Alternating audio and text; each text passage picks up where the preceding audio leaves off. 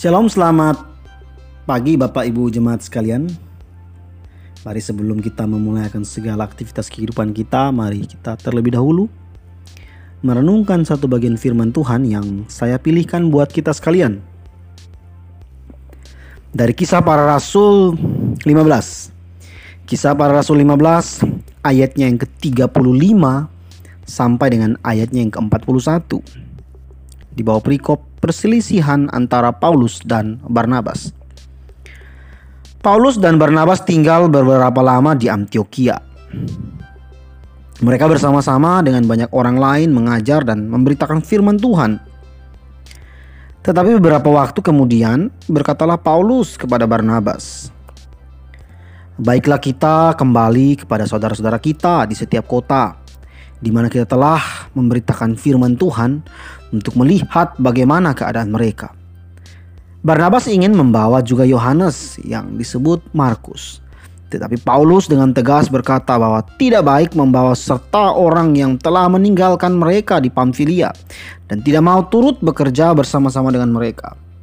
Hal itu menimbulkan perselisihan yang tajam sehingga mereka berpisah dan Barnabas membawa Markus juga sertanya berlayar ke Siprus. Tetapi Paulus memilih Silas dan sesudah diserahkan oleh saudara-saudara itu kepada kasih karunia Tuhan, berangkatlah ia mengelilingi Syria dan Kilikia sambil meneguhkan jemaat-jemaat di situ. Bapak Ibu jemaat sekalian, tentu kita pernah mungkin sebagian daripada kita pernah mengalami yang namanya dikecewakan orang. Mungkin bukan hanya sekali, mungkin bisa dua kali, tiga kali. Dan tentu kita tidak mau kita mengalami hal yang sama dikecewakan oleh orang yang sama. Karena itulah ada orang-orang tertentu yang sulit bahkan tidak mau lagi memberikan kesempatan kedua untuk bekerja sama dengan orang-orang yang sudah pernah mengecewakannya. Dalam kisah yang kita baca tadi, Paulus dan Barnabas, dua rasul yang diutus kepada orang-orang bukan Yahudi untuk memberitakan Injil ini, dalam perikop ini mengalami perselisihan tajam oleh karena satu orang yaitu Yohanes yang juga disebut Markus. Paulus kecewa karena Markus, keponaan Barnabas, pernah meninggalkan mereka di Pamfilia dan tidak mau bekerja sama. Itu kita bisa lihat dalam ayat yang ke-38 tadi. Tetapi Barnabas ingin membawanya dalam perjalanan mereka selanjutnya.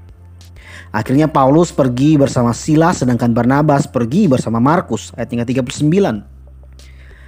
Barnabas melakukan hal yang luar biasa karena ketika Paulus belum bisa menerima Markus kembali, ia tetap mengasihi Markus dan berani memberikan kesempatan kedua baginya. Ini bukan berarti bahwa Paulus keliru dalam hal ini. Ya, Paulus juga manusia. Paulus tentu masih belum bisa memberikan kesempatan kedua langsung kepada Markus. Tetapi kenyataannya Markus mengalami perubahan besar dalam hidupnya di kemudian hari. Kalau kita baca dalam kisah-kisah selanjutnya dalam surat-surat Paulus, secara khusus dalam 2 Timotius 4 ayat 11, pada akhirnya pun Paulus memberikan kesempatan kedua bagi Markus. Bahkan menganggap bahwa pelayanan Markus penting baginya. 2 Timotius 4 ayat 11. Bapak Ibu bisa mengeceknya di sana. Markus kemudian menjadi sahabat Paulus dan menulis Injil Markus yang kita kenal.